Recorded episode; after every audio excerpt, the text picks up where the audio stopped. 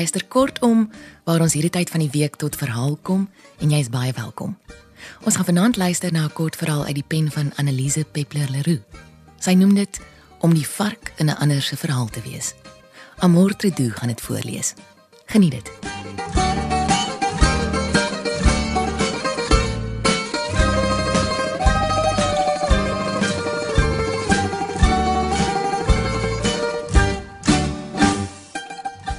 Het laas nag wragtig weer van die vark gedroom. Fluister 'n reisgenoot tydens ontbyt in Mikropapigo, 'n klipdorpie teen die ruwe hange van Berg Timfi in Noordwes Griekeland. "Wat het hy aan jou gedoen?" vra een dringend. En voor ek kan sê mam vir men, sit ons almal op die snykant van ons stoele, gereed vir 'n verhaal van verbale vergryp, gruisame gruwels en grenslose geniepsug. Ja, dit was 'n minder aangename tyd in my lewe. Sog weduwee Selma. En tog was sy sagte oë en blonde wimpers laasnag weer so helder voor my, soos jare gelede tydens die hartseer voorval. En soos haar verhaal van swaar kry, moed en karige vreugdes vir ons ontvou, loop ons trane onstuitbaar uit deernis. Nie net met haar nie, maar ook met hom. Hierna meneer X genoem. Al was hy die vark in die verhaal. Maar laat die weduwee self vertel. Ek en my man het in ons laat 20's na 'n huurhuis op 'n plaas wat 14 km buite Bloemfontein getrek. Na my man 'n betrekking by 'n handelsbank in die stad aanvaar het en ek 'n onderwyspos by een van die plaaslike skole. Met ons aankoms op die plaas was die hoofhuis erg verwaarloos en reeds jare, so is ons by die tennisklub ingelig, onbewoon. Die huis waar ons ingetrek het, was sowat 300 tree skuins oor kan die hoofhuis. Die plaas is jare tevore blykbaar deur die eienaar wat op die familieplaas buite Kokstad geboor het, vir sy seun gekoop. Na 2 jaar van swak oeste het die seun die boerdery gestaak en teruggekeer na sy aanvanklike beroep as stadsbeplanner. In 'n poging om die boerdery na die seun se vertrek weer aan die gang te kry, het die pa 'n voorman aangestel. Die het blitsig sy intrek in die toe nog pragtige hoofhuis geneem. Kort voor lank het sy ware kleure egter begin wys. 'n Gladde mond, niks nuts. Smiddag nog voor uitvaltyd het hy reeds die eerste bottel van die aand se voorraad Lieberstein tot die droesem geledig, is ons vertel. Toe hy deur een van sy drinkebroers ingelig word dat die eienaar van die plaas blykbaar snuf in die neus gekry het en met sy haalgeweer vanaf Kokstad op pad is om te kom kyk wat aangaan, laat spaandery oornag. Met die eienaar se aankoms laatmiddag die volgende dag, moes hy weens skok na die naaste kusyn gryp om staande te bly. Alles in die hoofhuis wat losgeskroef en ontkoppel kon word, is saam met die skelm fort. Die buite het alle kasdeure, gordynkappe, muurproppe, ligtoebehore, krane en selfs twee toiletsitplekke ingesluit. Stikkende motorfietsonderdele het op die eetkamervloer gelê. En herstelwerk aan engines is sommer op die sitkamermat gedoen. Daarvan het die menigte olie en grieskolle getuig. 'n Kerkkalender wat met sy intrek reeds agter die kombuisdeur gehang het, het hy vermoedelik uit respek onaangeraak gelaat. Op die Eendedam se wal, 'n entjie van die agterdeur, was verskeie kunsmissakke gevul met leë drankbottels, bier en olieblikke. Al het al daardie lelike dinge jare voor ons aankoms op die plaas reeds af en uitgespeel, was die hoofhuis egter steeds agter slot en grendel en slegs die ander kleiner huis beskikbaar. Die maandelikse huur was so verspot laag dat dit amper vir ons gevoel het of die eienaar ons onderhou. Die groot werf was verlate. Behalwe vir meneer X, wat op sy eie in een van die buitegeboue, 'n end van die werf gebly het. Die landerye is deur 'n aangrensende plase eienaar gehuur en daar was tot ons vrugte en sieleris dus geen boerderyaktiwiteite op die werf nie. Skaars 2 maande na ons intrek op die plaas, gebeur die ondenkbare. Tydens 'n lang naweek besoek aan vriende langs die Vaalrivier buite Sasselburg, sterf my man op slag toe 'n motorboot hom waar hy saam met verskeie ander mense naby die wal geswem het, tref. Die mense op die boot was so gesuip dat hulle glad nie die swemmers gesien het nie. Die skok en hartseer van sy dood en my benarde finansiële posisie daarna was om dit nou maar sagkens te stel byna my einde. Om die laaste van sy studieskuld te delg, het ek dadelik die Datsun bakkie wat hy van sy pa geërf het, verkoop. Ek sou voortaan daagliks met my tingerige veeetjie die stuk na die stad en terug moes insit. Met die minimum geld tot my beskikking, het ek in 'n poging om my amper se leë klerekas aan te vul, een middag na skool sommer vyf verskillende stukke krimpelienmateriaal wat op 'n uitverkoping was, aangeskaf. Ek het nog dieselfde aand begin om op my getroue turkoois empesal masjien die een was en dra rok na die ander die hanger te laat sien. Die skoolhoof, wat bewus was van my geldelike penarie, het genadiglik toestemming gegee dat ek kolwyntjies aan die skool se snoepie lewer. Ek het elke maandagooggend om 4uur die week se voorraad begin berei en voor die skool om 8uur begin die dosyne bondversierde gebak op die snoepie se rakke uitgepak. Dit het gelukkig genoegsaam ingebring om my maandelikse brandstofuitgawe en nog 'n paar ander kostes te dek. Ek is spoedig deur my kollegas en die kinders mevrou Kolwyn gedoop. Vir sommige matriekbelhamels was ek en dit natuurlik agter die hand mevrou Wynkol. Die Engelssprekende atletiekafrigter was meer gesofistikeerd. Vir hom was ek Mrs Colvin, finish and klaar. Een van die buurplase se voorman, ene Henk, het my op 'n keer net voor skemer dig by die plaaspad se aansluiting met die verbypad gehelp om 'n pap agterband van my Fiat te vervang. Die man was gevaarlik aantreklik. Agter op sy noukeurig gestrykte kakehemp was 'n groot swart en rooi Massey Ferguson embleem. Dit het van skouer tot skouer oor sy bedrywige breë rug gestrek. Toe die domkrag die wiel lig, begin hy in 'n swingritme met sy linkerhand se duim en middelvinger sagkens klap klap voor hy met 'n stem wat net sowel die van Frank Sinatra kon wees, wegval met Blue moon You saw me standing alone without a dream in my heart without a love of my own. O, dat hy my wou beïndruk was klankhelder.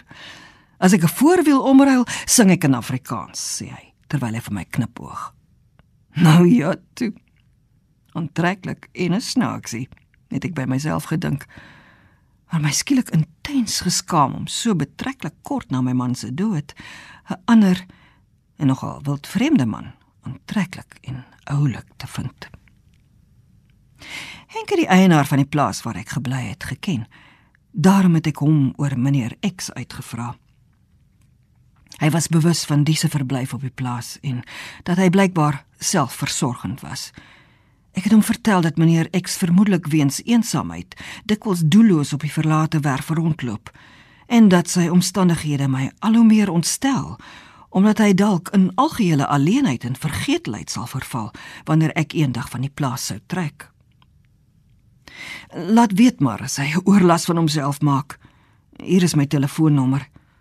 Jy moet maar nie te lank wag nie.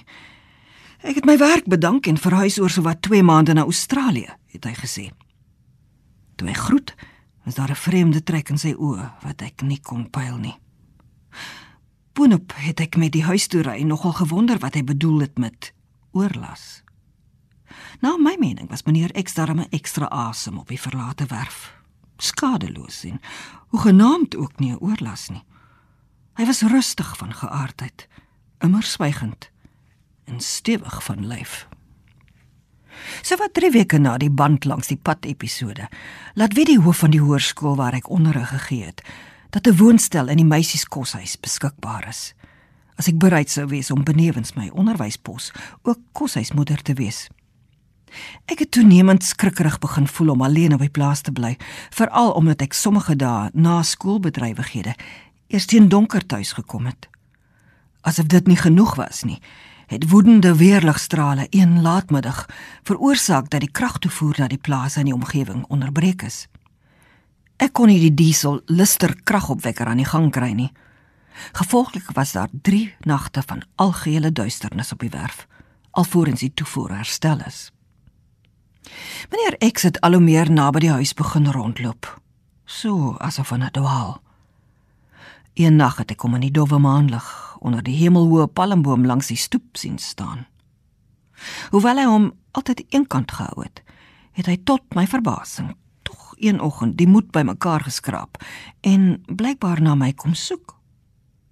Ek het by die wasgoeddraad gestaan en gesien hoe hy by die halfoop agterdeur inkyk, maar toe weer pad gee. "Haai, ek is hier by die wasgoedlyn," het ek geroep. Maar hy het sonder omkyk voortgestap. Ek het toenemend met die moontlikheid dat hy weer stoksiel alleen gaan wees as ek verhuis, gewroeg. Gestel nuwe huurder sou ongemaklik voel oor sy teenwoordigheid, wat dan? Toegegee. Hy was nie baie sindelik op sy lyf nie. By tye was daar dae oue kurkdroë modderspatsels op sy kaal bene. Dit het egter nie gelyk of dit hom pla nie. Maar wat sal van hom word as nuwe huurders hom die werf belet? Ek sou tot 'n besluit moes kom. Die koshuismoeder en woonstel aanbod kon enige oomblik verval. Gegee die toestand van my geldsaake, was die aanbod van gratis verblyf en etes in die koshuis eintlik 'n uiters welkome en tydige uitkoms. Ek het die hulpvaardige Henk gebel en raad gevra. Miskien kon hy help dat ons vir meneer X op 'n ander plek heenkome kry. Men het ek geweet dat die gevolge van daardie oproep my jare later soos met laasnag se droom steeds sou bybly.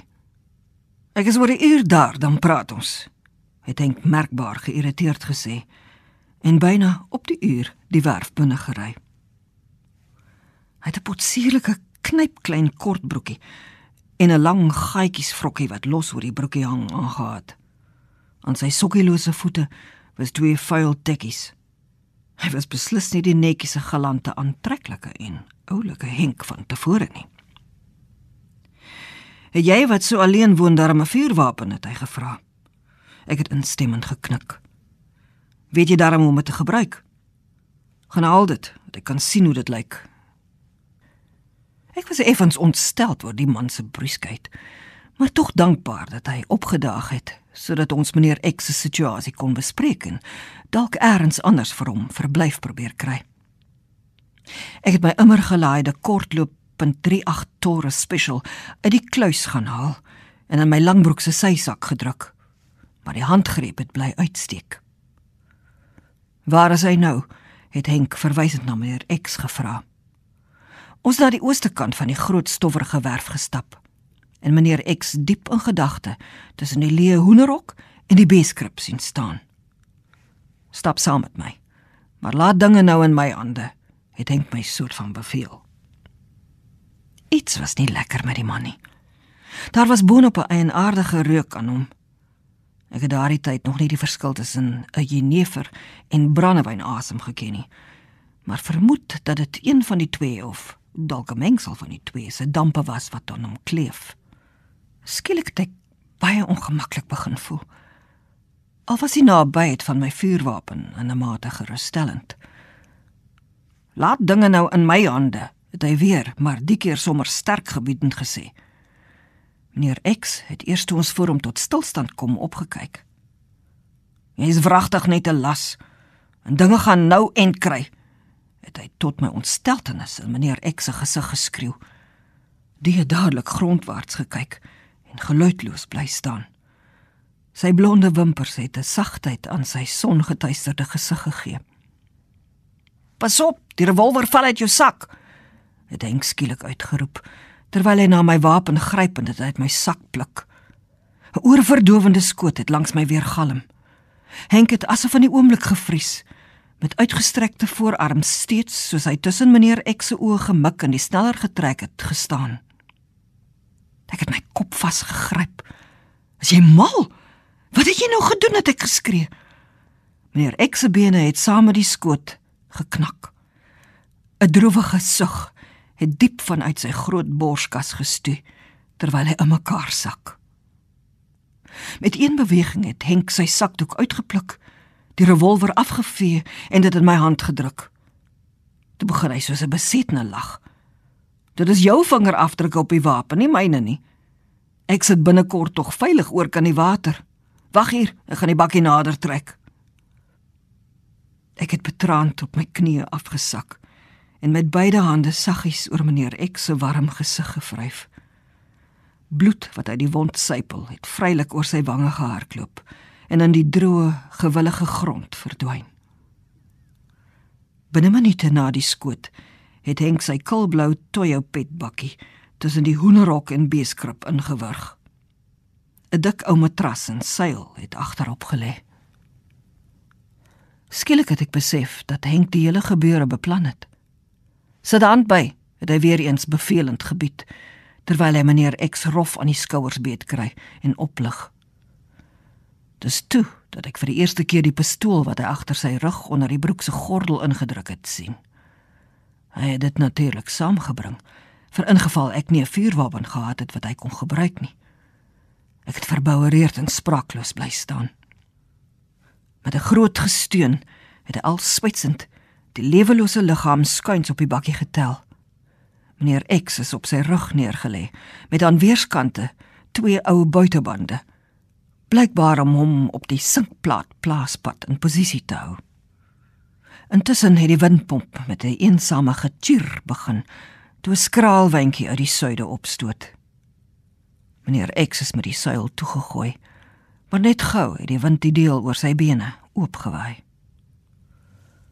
Waar gaan jy met hom heen? het ek skor na Henk geroep toe hy in die bakkie klim en die enjin aanskakel. Ag, hulle kan hom sommer vir mediese navorsing gebruik. Ek gaan sê dat jy my met hom gestuur het, het hy deur die bakkie se halfoop venster geskree en weer soos 'n besietne gelag terwyl hy skielik wegtrek. Ek het 'n entjie agterna gehardloop en vergeef stop, stop geskree.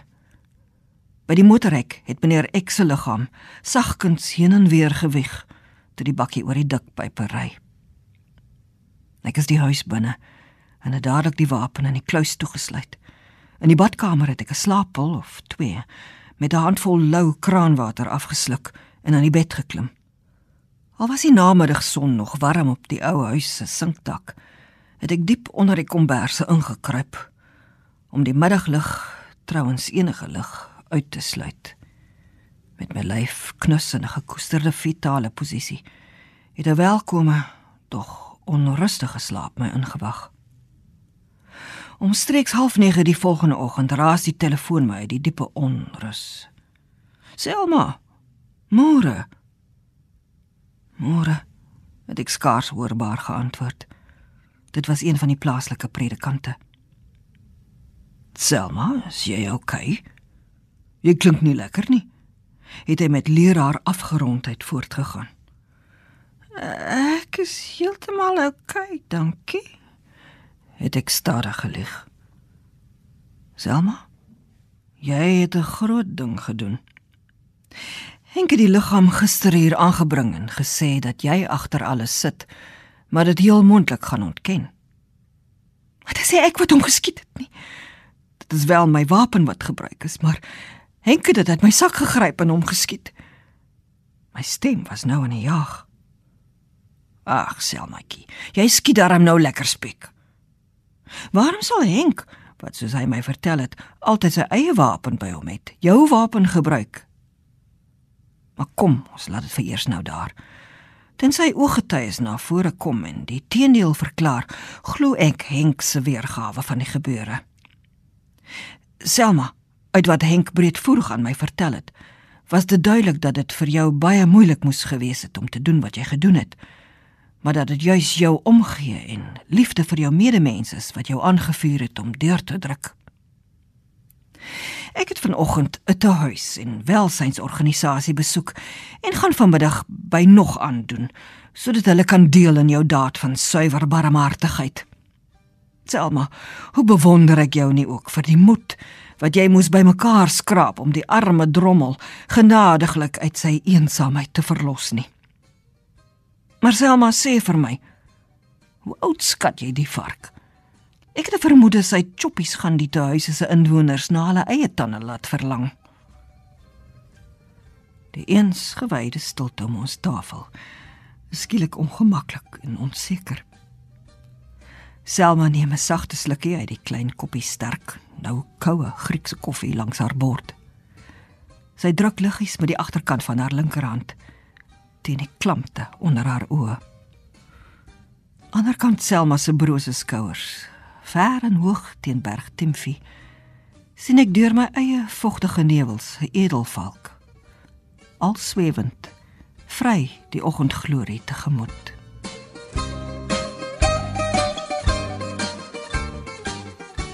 Dit was dan om die vark in 'n ander se verhaal te wees deur Annelise Peppler Leroux, voorgeles deur Amor Tredu.